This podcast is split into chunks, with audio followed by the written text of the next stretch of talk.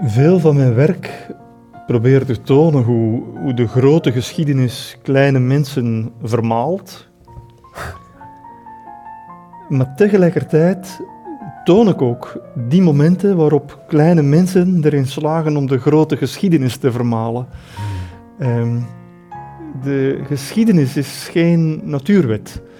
Ehm, het, is, eh, het, eerder, het is eerder als het weer. Eh, ja, dat beantwoordt dan een aantal wetten, maar het is toch zeer moeilijk om het weer te voorspellen uh, langer dan vijf, zes dagen vooruit. Mhm. Dus, en dat komt omdat er zoveel variabelen zijn. Welkom bij de eerste aflevering van onze nieuwe reeks Grote Vragen. In deze reeks duiken we in ons archief om op zoek te gaan naar antwoorden op een aantal grote en belangrijke vragen.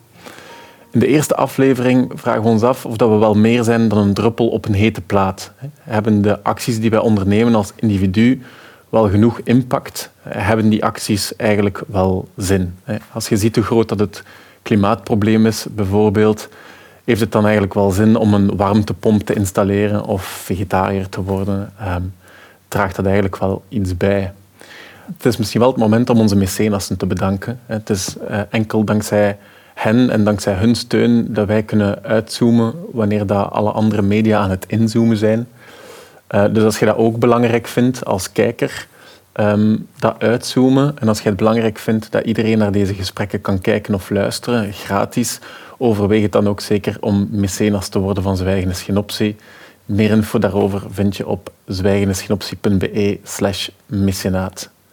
Nu, het eerste fragment waar we nu naar gaan kijken is een fragment met Alexander de Vriend. Dat is een theatermaker en hij vertelt eigenlijk een anekdote over zijn oma. En het is een anekdote die heel goed schetst en heel goed illustreert eigenlijk waarom dat wij ons vaak een druppel op een hete plaat voelen. Hey, 50 jaar geleden wisten mensen niet eens van processen die aan de hand waren. Of dat was, dat was ook letterlijk fysiek weg. Dat, dat moest tot bij u komen. En, en, en, die informatie, en, en, en dat die, dat, daar was tijd over. Dus ons, ons hoofd kan dat niet aan. Mm Ons hoofd kan dat niet aan. Mijn, mijn grootmoeder onlangs, ja, het is een vrouw van de roltrap gevallen in Japan. Ik denk, maar oma... Ah, joh, dat, dat, zo jammer, dat, dat, het is ook zo menselijk om daarmee in te zitten met pijn. Mhm. Maar je moet dan in Japan een verhaal gaan vinden om je pijn en je emotie aan te raken en ook nog wat angst. En dat ik denk van, waar moet dat tot bij u komen? Dat is niet... Dus wij zijn daar, dat conflict, dat koba, weet wat er mis is met de wereld. Als ik 18 was, ik wist het niet. Mhm. Ik wist dat racisme een probleem was, omdat de krant daarover schreef. Dus we gingen op straat voor racisme. Waarom? Dat voelde zot haalbaar. Mhm. Maar ik wist niet van alle anderen. Ik moest nog geen vegetariër zijn. Dat was gelijk geen optie of zo. We mhm. wisten. Dus dat, ik denk dat dat conflict super nieuw is, dat je, dat je zoveel weet. Dus ik denk dat onze grootste vraagstukken nu zijn in die mensen onmacht van daar iets te kunnen aan doen, die zoektocht vinden naar die macht en kracht dat hebt in die, in die kleine omgeving. Mhm. Maar die kleine omgeving is wel groter dan zo het was. Want mijn beslissing om hier iets te doen kan een repercussie hebben tot in Australië. Mhm. Of tot, hey, dat, dat, dat hoorde dan, hè? iemand die dan zegt, dankzij uw stuk dat ik daar, of uw boek dat je daar gezien hebt. Of, dat, dus, dus, dus die bereikbaarheid is ook groter. Mhm. Maar moet ik inzetten met die emotie van die persoon daar? Dat, dat conflict is ons grootste conflict, denk ik. Mhm. Maar dat is wel nieuw en ik denk dat dat wel pas sinds 20 jaar zo heftig is. Waarom is dat nieuw? Door, door die bereikbaarheid van die informatie en die onmiddellijkheid daarvan. Ik kan nu met u, wij kunnen elke problematiek gaan lezen, gaan voelen en gaan opzoeken. Wij kunnen, wij kunnen als we nu, hey, gisteren zag ik nog beelden van die, van die koeien die zo gepusht worden om, om eigenlijk altijd blijven melk geven omdat ze gepusht worden. Maar dat, ik, ik, ik, moet, ik moet daarmee om, ik kan dat niet ontkennen. Dus ik ga dat gaan opzoeken omdat ik dat kan. Ben ik een verantwoordelijk mens als ik dat niet doe? Mhm. Want ja, de informatie is daar. Mhm. Dus je moet het wel gaan doen. Dus dat conflict is wel, is wel een dat, dat een beetje tot in mhm. onmacht en, en van daaruit inactief gedrag kan leiden. Dat kan zo verlammend werken. Maar tegelijkertijd geloof ik dat ons brein daar wel iets meer aan kan en ons brein ook niet alles moet aan kunnen. Hey, mijn grootmoeder heeft, is niet opgegroeid in een maatschappij dat ze te weten kan komen dat Japan een vrouw van de roltrap valt. Wij wel. Moet ik daar minder gevoelig aan zijn? Het is moeilijk, hè? Mhm. Maar ik moet wel beseffen dat, er ondertussen een stuk of miljard vrouwen niet van de roltrap zijn vallen. Ik moet dat wel meepakken.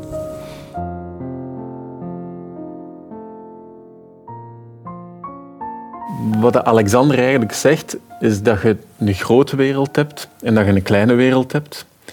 En dat de kennis die wij vandaag de dag opdoen over die grote wereld, dat die zo overweldigend is, dat die ons machteloos doet voelen in die kleine wereld. Je kunt het vergelijken met het installeren van een warmtepomp. Gelijk ik in het begin zei, als je de grafieken ziet van de CO2-uitstoot, dat is een informatie over de grote wereld, en jij gaat beslissen om een warmtepomp te installeren, de dag dat die warmtepomp er is, gaat die grafiek er niet anders uitzien. En daardoor heb je het gevoel dat je geen impact hebt en daardoor voelt je ook machteloos. Nu, wij hebben heel veel sociaal ondernemers gesproken en dat zijn schijnbaar mensen die daar geen last van hebben. Uh, een van die uh, sociaal ondernemers is Arnoud Raskin van Streetwise. Streetwise probeert om jonge gasten die op straat wonen de skills te geven om zichzelf eigenlijk een beter leven te geven.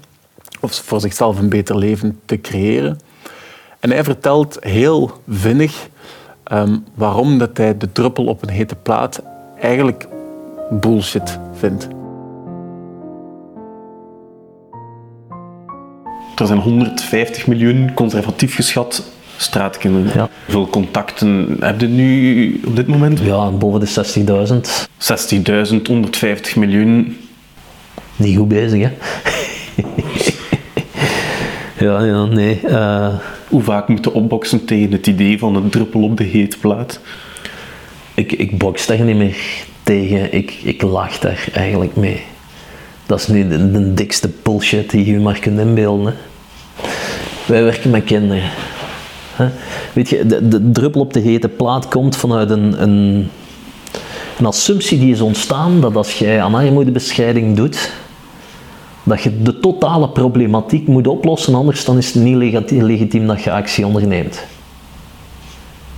Dus als ik investeer in, in versterking en verbetering voor straatkinderen, dan word ik erop afgerekend van, ja maar voor elk kind dat jij voor een stuk verder helpt en voor een stuk uit de straat begeleidt, zijn er vier die erbij komen uit de slums. Dat is hetzelfde als hier in Gasthuisberg tegen een oncoloog te gaan zeggen die een patiënt behandeld zeggen van ja maar is er een druppel op een hete plaat voor elke, elke patiënt die jij hier geneest komt, zijn er vier nieuwe diagnoses van kanker. Onnozelaar, stop dus met waar je mee bezig bent. Als je niet de cure voor cancer vindt, dan is het niet legitiem wat je doet. Die reflex hebben we toch niet naar die mannen. Want dat gaat over mensen, hè? over individuen die worden verder geholpen. Die 60.000 contacten van ons zijn gasten hè, die een stap vooruit zetten. Het zou uw kleine maar eens moeten zijn. Dat gaat hier niet over truppels op een plaat, dat gaat over mensen. Dus ik schrijf ook nergens dat ik de problematiek van straatkinderen ga oplossen. Ik wil op een zo efficiënt mogelijke manier de middelen die we hebben inzetten om zoveel mogelijk verschil te maken voor die gasten.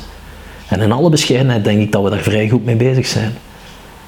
En iedereen die dan druppel op hete plaat noemt, die zou eens heel goed moeten nadenken over wat hij alle dagen of zij alle dagen van 8 tot 5 is aan het doen. Pretentieloos, hè? Maar dat is dikke bullshit, die druppel op hete plaat. Ik zeg dat ik ermee laag, maar ik word altijd pissig.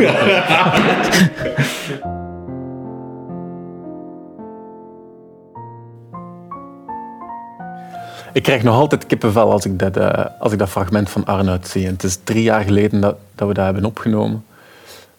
Altijd echt een, uh, een heel goed punt dat hij maakt. Eigenlijk zegt hij, dat kan wel zijn dat jij je machteloos voelt, maar dat gevoel is onterecht. Binnen uw kleine wereld heb je wel degelijk macht. Alles wat je doet in een kleine wereld telt. Als je één kind helpt, dan heb je één kind geholpen. En het maakt niet uit wat de grafieken over de wereldproblemen zeggen. Ehm, het effect is ook waar. En met dat je die macht hebt in je kleine wereld, heb je eigenlijk ook een verantwoordelijkheid. Je hebt de verantwoordelijkheid om die macht te gebruiken. Hij zegt dat ook zo expliciet. Denk maar eens goed na over wat jij van 8 tot 5 doet. Pretentieloos. Dat is een punt dat veel sociale ondernemers maken. Of dat is iets waar heel veel sociale ondernemers naar leven. We hebben zo ook Bart Weetjens gesproken. Bart Weetjens heeft Apoppo opgericht. En Apoppo was een bedrijf, of is een bedrijf, um, dat ratten had kunnen opleiden om landmijnen op te sporen. Een gigantisch wereldprobleem. Maar voor Bart ging dat ook niet zonder slag of stoot. Hij heeft behoorlijk moeilijke periodes meegemaakt terwijl hij dat bedrijf aan het leiden was. En die is eigenlijk na op Popo op onderzoek gegaan. Hij is op onderzoek gegaan om uit te zoeken waarom dat hij die problemen had en of dat er nog sociale ondernemers waren die met mentale problemen worstelen. En dit is hetgeen wat hij daarover te zeggen heeft. Veel sociale ondernemers, daar is ergens een jeugdtrauma dat oorspronkelijk aan de basis ligt van hun initiatief. Heel dikwijls is, dat zo. Dus inderdaad, doordat die mensen iets meemaken, bijvoorbeeld mensen die uh, uh, slachtoffer zijn geworden van uh, mensenhandel, die een model ontwikkelen eh, om mensenhandel te bestrijden. Of mensen die in een armoedesituatie leefden, die rond financiële inclusie werken engagement komt van een plaats van contrast, van een contrastervaring. Uh, maar doordat die mensen dat succes ervaren en daar eigenlijk positieve feedback voor krijgen, zijn ze geneigd meer in die richting te gaan en mhm. zich nog harder in te zetten. En eigenlijk in plaats van naar hun persoonlijke noden te luisteren, wordt die identificatie met dat succes voor dat werk een ideale pretext, zodat er eigenlijk niet naar dat trauma moet gekeken worden. En de statistieken zijn ook uh, ongelooflijk. Je hebt uh, 55 tot 65 procent van sociale ondernemers die burn-out, depressie op, daar, op die rand wandelen. Mooi. Het is toch telkens als het gaat over mensen die vanuit een waarde iets doen in de maatschappij. Of dat ze nu verplegers, dokters, uh, bij dokters 43 procent, dat is nu in Amerika, 43 procent van de huisartsen zit ofwel in burn-out, depressie in België in het onderwijs 20% in Nederland 21% van formele en niet-formele educatoren, opvoeders, die eigenlijk niet kunnen functioneren niet meer. De cijfers die Bart aanhaalt zijn eigenlijk verbijsterend. Meer dan 50% van de wereldverbeteraars, om ze zo te noemen, lopen eigenlijk een hoog risico op depressie of burn-out of zitten in een depressie of met een burn-out. En met wereldverbeteraars bedoelt hij duidelijk niet alleen maar sociale ondernemers. Het gaat ook over leerkrachten. Het gaat ook over mensen die werken in de zorg. Het gaat eigenlijk over iedereen die zijn leven inzet om van de wereld een betere plek te maken. Het is interessant om nog eens te luisteren naar een stukje uit ons gesprek met Dalila Hermans, de schrijfster die ook bekend is geworden door De Slimste Mens. Omdat zij vertelt over het gevaar van uw leven te laten samenvallen met uw activisme. Maar ik dan een je meer van, vanuit, u, vanuit zo'n soort noodzaak werkt nu. Gelijk als je zegt, ik schrijf een fictieboek gewoon. Je zei het eigenlijk beginnen schrijven voordat je het aan het schrijven waart. Ja. Dat, dat je dat je daarin meer je hart volgt. In plaats van dat je zo zit te denken van ja. strategisch, wat moet ik? Om, omdat je daar gewoon in uitgeblust geraakt. Als dat strategisch iets anders is dan, dan wat dat je lijf zegt dat je moet doen. Of... Ja. Ja, ik, ik voel, ik ben veel uh, rustiger en gelukkiger. Hmm. Los van de tijdelijke boosheid. Nee, nee maar dat is dat echt. Ik ben, ik ben echt uh, veel veel meer mezelf. Want als ik, uh, ja. als ik dat, dat interview terug uh, luisterde, keek van dat we vorige keer hadden gedaan, ik, ik heb ik, heb daar heel, ik ben daar heel eerlijk geweest, dat wel. Dat, ik herken heel hard de, de plek waar ik toen was, maar ik weet ook hoeveel stress ik had achteraf. Omdat dat online gekomen... De, de, de ongelooflijke berg dat het telkens was, dat je precies moest beklimmen, als ik iets had gezegd over dat thema. Zo wetende van... Ik weet nog dat ik die avond, dat, voordat jullie het online hadden um, met, met echt verschillende uh, vrienden heb, heb gestuurd van check deze alles en, en schat alles in wat ze allemaal gaan zeggen. Dat ik nu denk, kind... Vandaag heb ik dat niet. Snap? Daar, daar heb ik echt los kunnen laten. Dat zit daar. Zo, dat heel de tijd moeten nadenken over wat gaat het effect zijn? Ben, doe ik hier goed aan? Hoeveel troller gaan er komen? Uh, nee, dat, dat is, ik ben veel meer ik gewoon nu. Ja, ja maar het, het klinkt alsof je een splitsing hebt gemaakt tussen de struggle, zeg maar het, het geheel en het strategische en de, hoe gaat het om met trollen, en Dalila of zo. Van, en, en, en dat je niet helemaal die strijd niet meer bent, maar dat je ook gewoon Iemand zei die graag een keer een fictieboek wil schrijven. Ja. En denk van, dat past daar dan wel ergens in. Sowieso, omdat je zwart bent, je kunt er niet aan doen, weet je. Je bent hem altijd aan het voeren. Ja. Maar je gaat hem niet meer volledig voeren. Of... Ja, inderdaad. Het is nimmer mijn... Het is nimmer mijn, mijn, mijn dagtaak om dat te doen. En als het ooit echt nodig is. Of, ik, of als ik oprecht boos ben of iets opmerk, of als ik echt denk van, amai, dit is iets waar we voor moeten uh, strijden en voor, voor op de barricades moeten gaan staan, zal ik dat wel doen vanuit mezelf. Omdat ik nu vind, dit is nodig. Niet meer denkende, ik torst dit allemaal. Ja, dat klinkt vrij bevrijdend. Ja. Ik moet, als we het toch over de vorige keer hebben... Ik herinner me dat bij dat vrijpakte dat je zei van ik ga in de slimste mens gaan zitten om te gaan tonen dat ik ook een mens ben. Ja. Ja. Maar um, als je nu praat, dan, dan, dan denk ik dat je dat gelijk ook zelf moest ontdekken of zo. Ja. Ja, misschien wel. Dat ik, um, ik was ik, was een, een, ik had een heel duidelijke uh, identiteit voor ik in alle mediastormen kwam. He, voor ik mijn eerste opiniestuk schreef in 2014, was dat heel duidelijk. Ik was een goede jeugdwerker die al heel lang in die sector zat, die goed kende, die daar veel vrienden en goede collega's had. En ik was een uh, net getrouwd, jonge mama van twee. Dat was heel duidelijk. Ja, en opeens. gebalanceerd ook. Ja, dat was, het was een, ik had een heel goed leven. Hier meer. Toen het toch. maar um, opeens ja, werd ik daarin gecatapulteerd een beetje. Um, en heb ik zo al rennend proberen zoeken, oké, en hoe gaan we dat nu doen? Maar het is wel al bezig, maar... Hè. Um, en, en kreeg ik opeens constant te horen, je bent dat, je bent dat, je bent dat. Hè? Heel de tijd. Dat was niet een beetje, dat was constant. Ook door, door, niet alleen door trollen op het internet, maar door serieuze mensen die open brieven naar mij schreven. En die, alleen dat ik echt op den duur zelf begon te twijfelen van maar ik ben helemaal niet boos heel de tijd. Dat is echt absoluut niet zo. Zeker toen nog. Ik denk dat ik nu bozer ben soms. Maar toen, ik had echt zoiets van, ah, maar waarom zie iedereen mij als die razende eh, slachtofferrolletje wentelende. Ik vond dat, dat was zo absurd, omdat dat zo ver afstond van alles wat ik was daarvoor. Mhm. Waardoor dat er dan ook mensen die mij kenden zoiets hadden van waarom doe jij opeens zo moeilijk? Gaat het toch Zo, en dat, was, dat, dat, dat doet iets met je brein. En aan een tijd begin je inderdaad wat te denken van... Waar zit de echte ik hier nog tussen? En ehm, dan zat ik in De Slimste Mens. En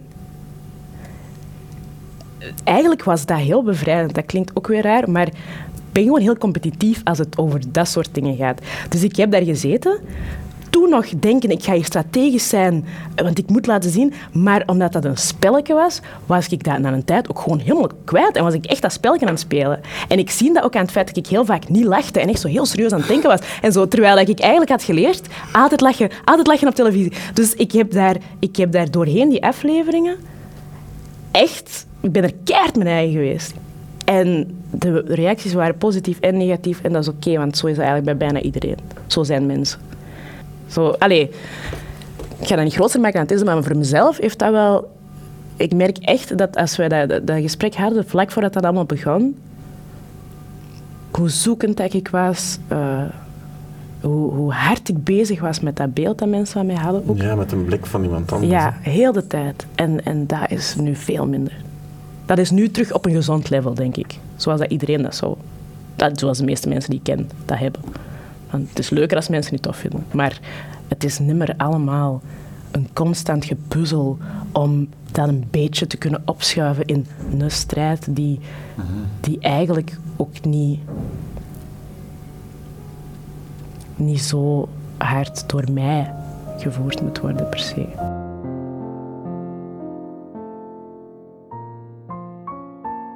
Wat dat Bart en Dalila eigenlijk zeggen, is dat wanneer dat je in je kleine wereld, hè, of tussen 8 en 5, alles ten dienste stelt van het oplossen van de problemen in die grote wereld, dat dat op den duur geen waardig leven meer is. Dat je eigenlijk zelf kans loopt om deel te worden van de grafieken die je probeert op te lossen.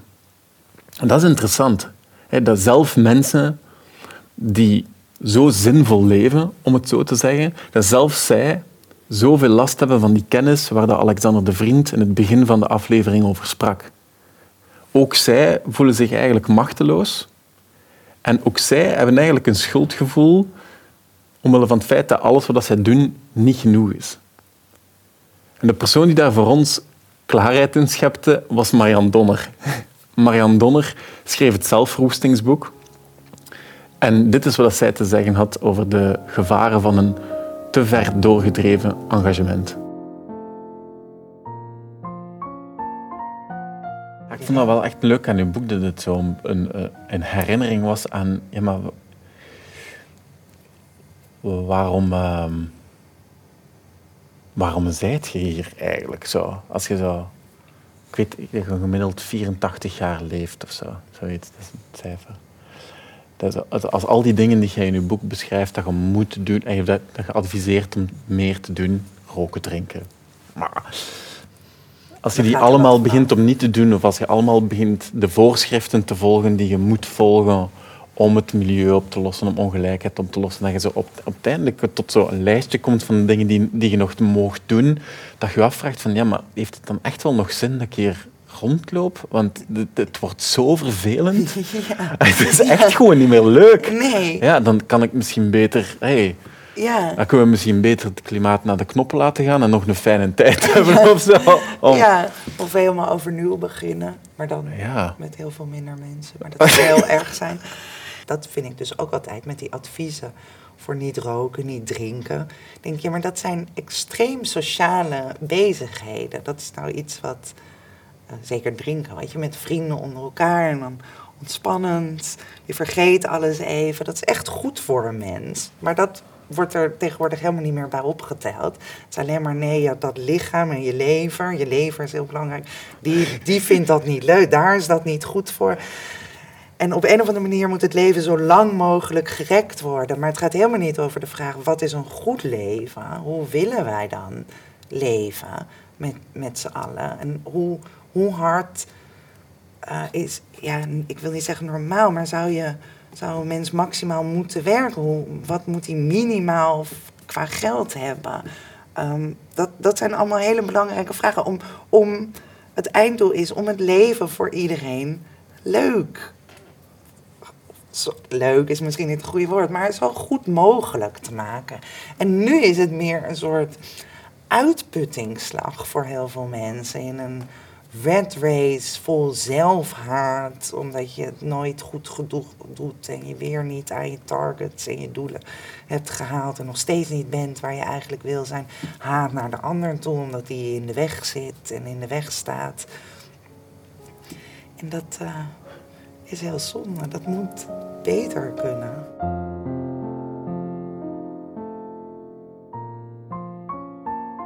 Als ik het goed begrijp, zegt Marianne eigenlijk dat we rekening moeten houden met de context.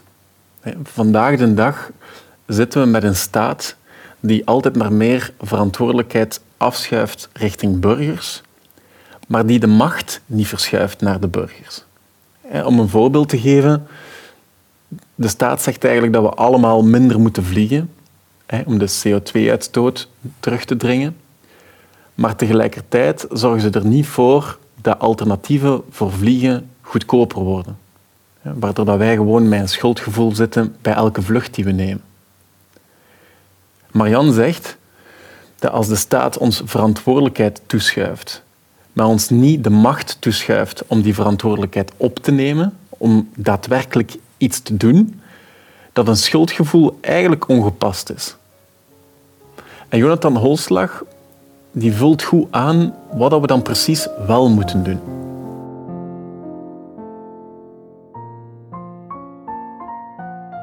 Is het niet omdat mensen tegenwoordig zo hard moeten werken met twee, zo hard moeten werken eigenlijk voor dezelfde levensstandaard als, als vroeger met één, dat er ook geen tijd meer is om geëngageerd te zijn? Ja, ik ben het daar volledig... Als diagnose snap ik dat. Maar als je het water aan de lippen hebt en als je voelt dat dingen niet goed evolueren, als je voelt dat de werkdruk groter wordt, als je voelt dat je geen tijd meer hebt voor je kinderen, als je voelt dat je geen tijd meer hebt voor je, je, zorgbehoevende grootouders, ja, wat doe je dan? Dan heb je, dan heb je twee mogelijkheden. Ofwel, ofwel blijf je mee in die tredmolen, eh, ofwel zeg je ik stop, ik stap eruit en ik kom in opstand. Verschillende manieren in opstand komen. Maar ehm, dat, is, dat, is, dat is de essentie. Wij zijn, ik zeg heel vaak, wij zijn in staat van oorlog. Vooral oorlog voor het behoud van onze waardigheid. Ehm, en wat we nu moeten uh, betrachten is mensen ervan te overtuigen dat er iets meer engagement nodig is om die waardigheid um, op, uh, op peil te houden. Als, opnieuw, als, als mensen het gevoel hebben geen tijd meer te hebben voor de dingen die waardevol en essentieel zijn voor de kinderen, voor, voor, voor, voor uw geliefde, ehm, voor uw ouders, voor uw naasten, ja, dan doe je niet voort zoals je bezig bent, maar dan neem je even pauze en dan reageer je daartegen. Hoe? Ja, dan reageer je daartegen door eerst en vooral een beetje te proberen te volgen wat, wat, wat, wat politiek hè, er bediscussieerd wordt over onze arbeidstijd, over onze economie. En de belangrijkste bron is niet de krant, dat is uw gezond verstand. Als jij begint te voelen dat je welvaart ondermijnd wordt, dat je welvaart ehm, achteruit gaat, dat ehm, de professionele druk groter wordt, de stress de tijd die je doorbrengt in de pendel ellende, en je laat je gezond verstand gebruiken, daar heb je echt geen kranten of ter zaken of wat dan ook voor nodig. Ja, dan weet je bijvoorbeeld meteen dat bedrijfsauto's, gesubsidieerde bedrijfsauto's, dom zijn. Hm? Dan weet je meteen dat als je um, bestelwagentjes vanuit Nederland, bol.com en post.nl en HelloFresh en wat heb je nog allemaal laat komen, dat dat niet rijmt. Met wat je vanuit je onrust uh, definieert of bepaalt als een betrachting om opnieuw die levenskwaliteit uh, te behouden. Je hoeft geen politicoloog te zijn om te weten dat Hallo Fresh misdadig is. En, en, en dat dat leidt tot verkeersellende en files waar dat jij met je gesubsidieerde bedrijfsauto dan moet gaan instaan. En dat jouw kinderen via de overheidsschuld de rekening van je bedrijfswagen krijgen doorgeschoven gekregen. Je hoeft toch geen genie voor te zijn om, om te weten dat er iets niet klopt. Dus ik denk, mensen moeten vooral een gezond verstand uh, uh, meer gaan gebruiken.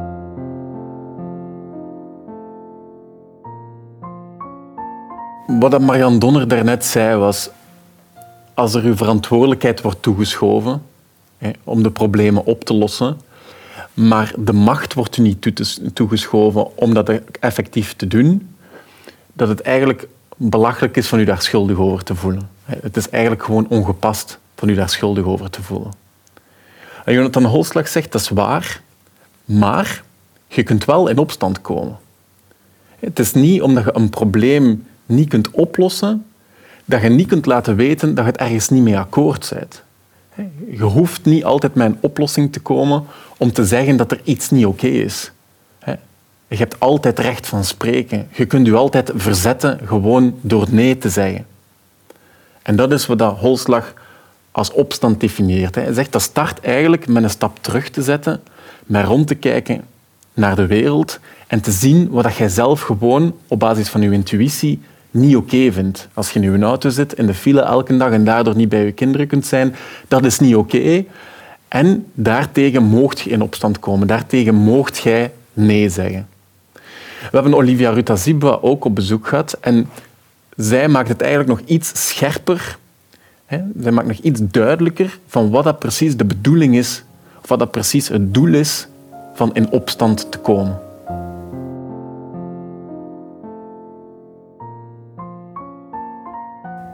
Ik ben heel erg tegen ontwikkelingssamenwerking. Mhm. Ik ben wel aangeworven in een departement ontwikkelingssamenwerking. Mijn studenten komen om ontwikkelingssamenwerking te studeren. Dus ik zou heel mijn carrière kunnen opbouwen door gewoon daarop te, op te kappen, heel mijn leven lang. En dat zou voor mij een voorbeeld zijn van, je laat alles hetzelfde, maar je kunt wel, gewoon omdat je ik weet hoeveel interessante feitjes weet, gewoon omhoog gaan in, in de rangschikking eigenlijk in, in je job. Mhm. En dat is eigenlijk zelfs heel anti-koloniaal kennis die je dan gewoon gebruikt voor de koloniale status quo. Alles blijft hetzelfde. Mhm. Ik heb wel zoiets van, ja, ik moet echt ja, op wekelijkse, dagelijkse basis denken. Um, op welke manier gebruik ik die kennis om, om dat instituut van ontwikkelingssamenwerking als opleiding te ontmantelen. En dan moet je eigenlijk ook bereid zijn bijvoorbeeld om te zeggen van ja, als je er dan eens je job door verliest, of als je um, moet kiezen om bijvoorbeeld geen consultancy te doen voor de VN of geen... Dan moet, dat je eigenlijk altijd bevraagt van ja, waar, um, waar, waar komt mijn inkomen van? Want als je dat niet in vraag blijft stellen, dan, dan kun je nog zoveel weten als dat je wilt, maar dan verandert er niks. Ja. En dat is, dat is een, dus ik, ik, ik ben hier niet aan het spreken van, uh, van een positie van ik doe dat allemaal, ik ben keihard bezig. Maar gewoon dat je, dat je ja, dat ongemakkelijke van je altijd te bevragen, mm tot in hoeverre draag ik bij tot de status quo. Termijn gaat het ook zijn van hoe vaak vlieg je nog naar links en rechts. Dat is iets dat voor mezelf dan ja, heel diep snijdt. Of... Ja, maar maakte dat niet de fout van te aanvaarden dat de verantwoordelijkheid bij u ligt. Een, een beetje uh, uh, het basisidee waarmee dat, dat neoliberaal systeem zichzelf overeind houdt, is dat, dat je eigenlijk als individu ja, is... aanvaardt dat je verantwoordelijk, de verantwoordelijke bent. En dat je dus niet de vraag naar boven stelt, maar dat je de vraag naar binnen stelt, heel de tijd. Van, doe ik wel genoeg en kan ik niet meer doen? Nee, ik denk dat het eigenlijk andersom is. Um, dat voor mij het verhaal is in eerste instantie structureel. Maar dat is zo, dat is zo abstract, hè. Dus ik heb er juist aan proberen na te leggen. Wat is dat structuur? Ik kan er zelf niet altijd... Um, en dan denk ik, soms is het dan um, handig om te kijken naar je eigen elke dag. Van, als je zelfs eens een doorsnee zou maken van ik word morgens wakker en alle stappen die je doet tot het einde van de dag. Ja. En als je voor elk van die handelingen, weet ik veel, probeer te denken, hoe is dat verbonden aan dat vaak structureel verhaal dat ik wil doen. Maar klinkt echt niet tof, jong. Dat is vreselijk. Ik heb je daar geen tijd voor en geen goesting. Ja. Voilà, dus juist zei je, oh, dit klinkt zo leuk. Ja, dat, dat stuk was leuk. dit is niet meer leuk. Voilà. Nee, ik denk gewoon ook, dat is niet. Nee, nee, en bij mij, allez, ik probeer het nu uit te leggen van hoe dat je allez, de link maakt tussen dat individueel en die. Het, is niet, het is niet dat ik denk van, als ik minder vlieg, is het opgelost. Ja. Maar dat ik denk van, ja, als ik bijvoorbeeld naar de politiek gaan of gaan stemmen of weet ik veel. Wat zijn de dingen die ik dan moet vragen? Ja, ja, ja. Dat is onder andere zeggen van hoe kan dat, mannen, dat die kerosine nog altijd het goedkoopste en het meest beschikbaar is. Wij kunnen al lang veel, veel ecologischer vliegen. Op dezelfde manier dat we al lang veel ecologischere auto's hadden kunnen ja, hebben. Ja. Dus er is niet echt die scheiding tussen individu en dat structureel, omdat dat structureel dat werkt via individu. En dat is met racisme ook. Hè. Dus het is niet ja. dat ik zeg dat racisme is al van 1492, dat de volgende keer dat iemand iets racistisch tegen mij zegt, dat ik zeg, ja, maar dat is schuld niet, dat is structuur. Ja. Maar om, om dat 1492 tastbaar te maken, moet ik wel naar mijn allez, everyday gaan kijken. Mhm. En moet ik, dus de structuren werken door individueel gedrag, maar het is niet alleen door individueel gedrag dat je het gaat oplossen. Zo is het eigenlijk. Ja.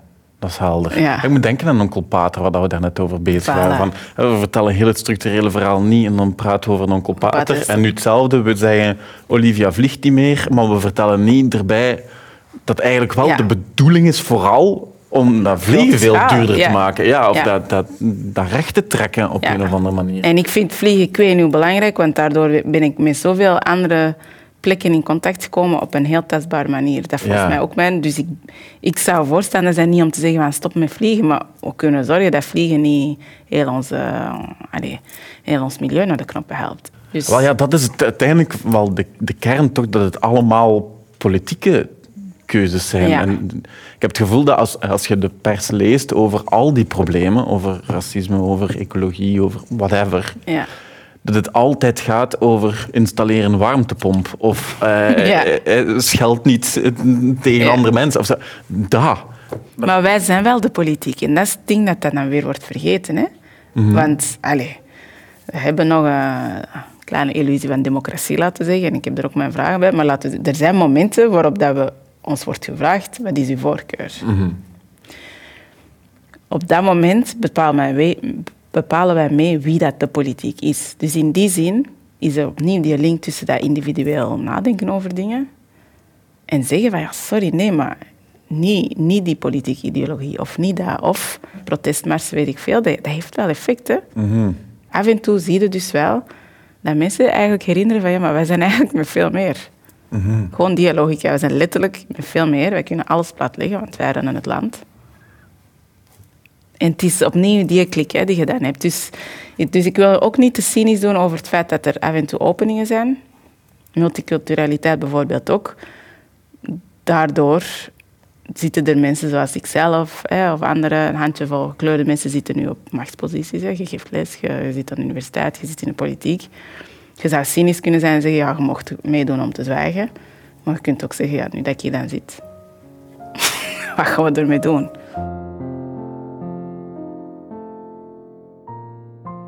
Het is misschien tijd om even alles samen te vatten. Je hebt in het begin heb je Alexander de Vriend, en Alexander de Vriend zegt, kijk, er is een grote wereld en er is een kleine wereld. En de kennis die wij krijgen van die grote wereld, die doet ons machteloos voelen in onze kleine wereld. Arnold Raskin antwoordt daar eigenlijk op. Die zegt van dat gevoel van machteloosheid, dat is onterecht. Binnen uw kleine wereld hebt je wel degelijk macht. En je hebt eigenlijk ook de verantwoordelijkheid om die macht te gebruiken. Dan komen we Dalila Hermans tegen en Bart Weetjens. Dat zijn twee mensen die eigenlijk die verantwoordelijkheid ten volle gebruikt hebben. En die zien, ofwel in hun persoonlijk leven bij Dalila, ofwel in studies bij Bart, dat mensen die die verantwoordelijkheid opnemen, dat die eigenlijk ook last hebben van dat gevoel van machteloosheid. Dat die zich ook schuldig voelen over het feit dat wat ze doen niet genoeg is. Marian begrijpt dat. Marianne zegt dat komt door de context waarin dat wij zitten. Vandaag de dag heb je een staat die zich terugtrekt, die meer verantwoordelijkheid afschuift naar het individu, maar die staat schuift, bewust of niet bewust, de macht niet mee naar het individu. Waardoor dat, dat schuldgevoel eigenlijk onterecht is. En Holslag sluit daarbij aan en zegt ja, dat schuldgevoel dat is niet terecht, maar je hoeft de problemen niet op te lossen om er tegen in opstand te komen dus je kunt wel zeggen dat je het ergens niet mee akkoord bent. Dat is het minste wat je kunt doen. En Olivia Rutaziba voelt dat aan en ze zegt als geen opstand komt, is het belangrijkste doel van die opstand eigenlijk om de macht te verschuiven.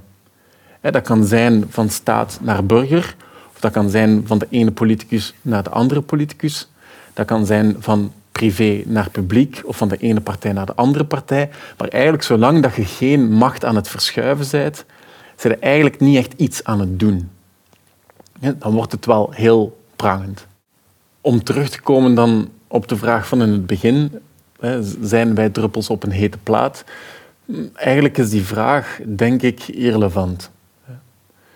De druppel op de hete plaat vraag die impliceert eigenlijk dat je afvraagt of dat hetgeen wat je doet, of dat dat wel genoeg is als je het vergelijkt met de grootte van het probleem.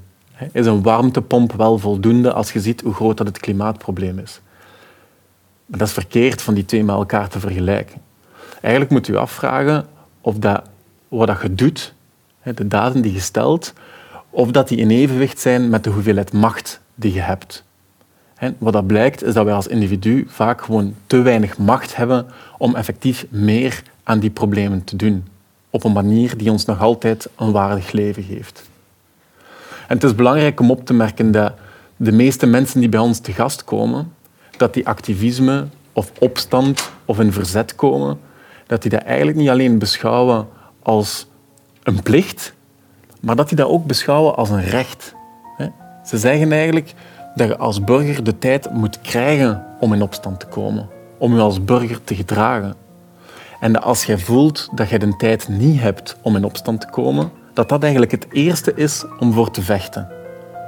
Voor de tijd om te strijden.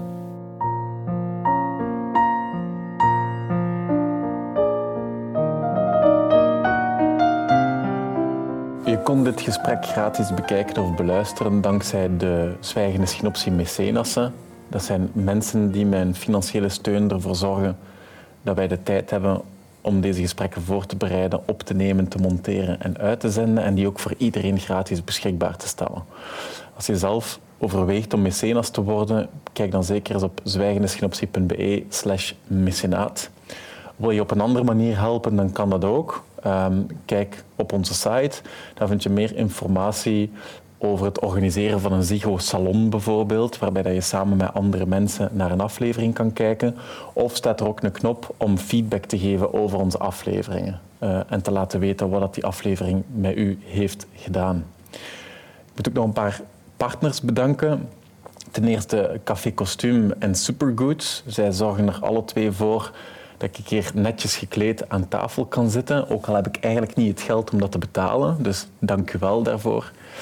En de Vooruit. Uh, de Vooruit in Gent geeft ons een locatie waar we deze gesprekken kunnen opnemen en waardoor we in rust um, ja, kunnen praten met mensen.